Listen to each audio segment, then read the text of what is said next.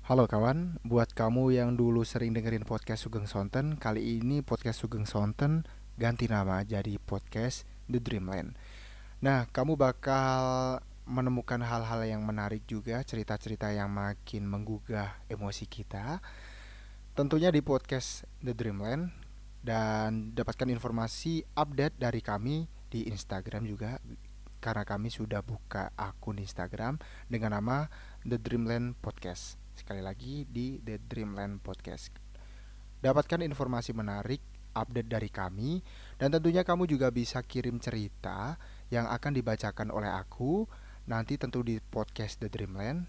Kamu bisa kirim via DM di Instagramnya. Oke, sekali lagi Instagramnya adalah The Dreamland Podcast. Nah, dapatkan informasi menarik di situ. Follow dan share.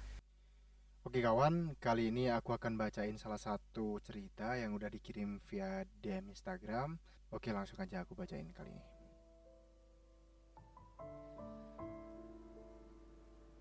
Halo kawan, dulu aku pernah punya pacar. Sebut aja namanya Rena.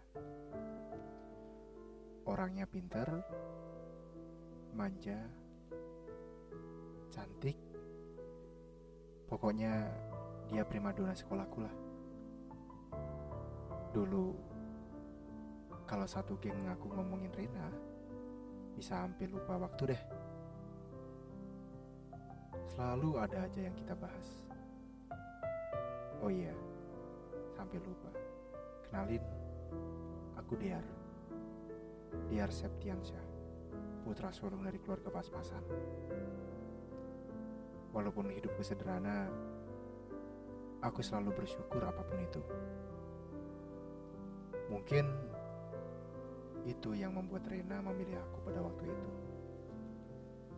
Gak nyangka kalau aku bisa seberani itu untuk memperjuangkan perasaanku ke Rena. Entah dari mana aku punya keberanian itu, dan waktu itu aku seperti orang yang paling beruntung sesekolahan orang yang hidup sederhana bisa dapat primadona gitu. Kisah kami pacaran cukup berwarna menurutku ya. Susah seneng kami lalui bareng. Dan kala itu kita sering pulang bareng. Kita balik naik sepeda sore hari sehabis kita pulang sekolah.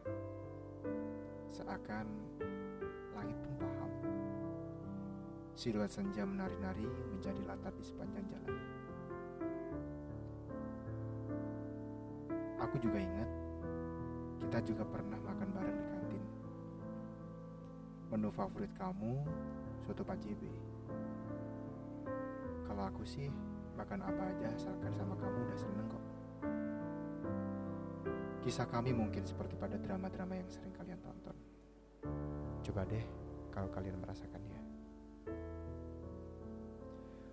Dulu yang namanya diolok-olok sama gebetan itu rasanya malu banget.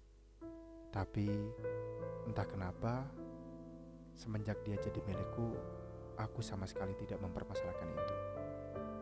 Bahkan aku malah senang kalau itu.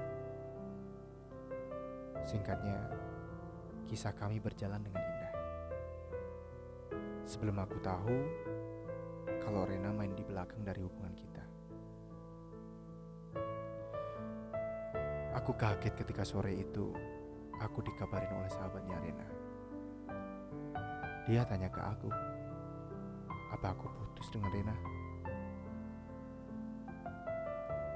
Aku kala itu sontak kaget. Aku yang tidak tahu apa-apa dikabari seperti itu. Rasanya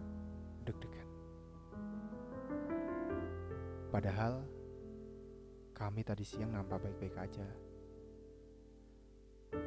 Langsung aku mencoba menghubungi Rena dengan segera. Dan benar aja, aku diputusin tanpa sebab yang jelas. Gak terima rasanya, tanpa sebab yang jelas, hubungan kita berakhir. Ketika kita bertemu, kamu seperti berpaling dari aku. Rasanya aku makin bersalah. Setidaknya, aku menahan sakit sekitar satu minggu. Mungkin saat itu, playlist laguku bisa jadi trending di Spotify jika sudah ada ya. Semuanya penuh dengan lagu-lagu galau. Aku yang berangsur-angsur melawan egoku untuk menerima kenyataan dibuat runtuh kembali. Ketika aku tahu Rena jalan dengan orang lain dan ternyata dia adalah teman ekskulku. Aku memang tidak menyadari awalnya motif apa yang bisa membuatnya berpaling. Memang sih, temanku itu orangnya stylish, keren, dan tajir. Maklum ya, jika aku yang dari keluarga pas-pasan, jelas kalah saing. Dan memang benar.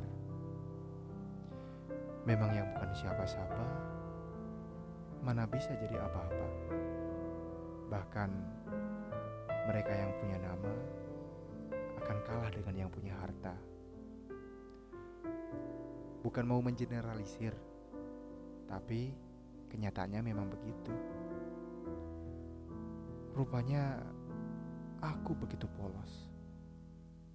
Sehingga aku tidak tahu selama ini ada dia di antara kita.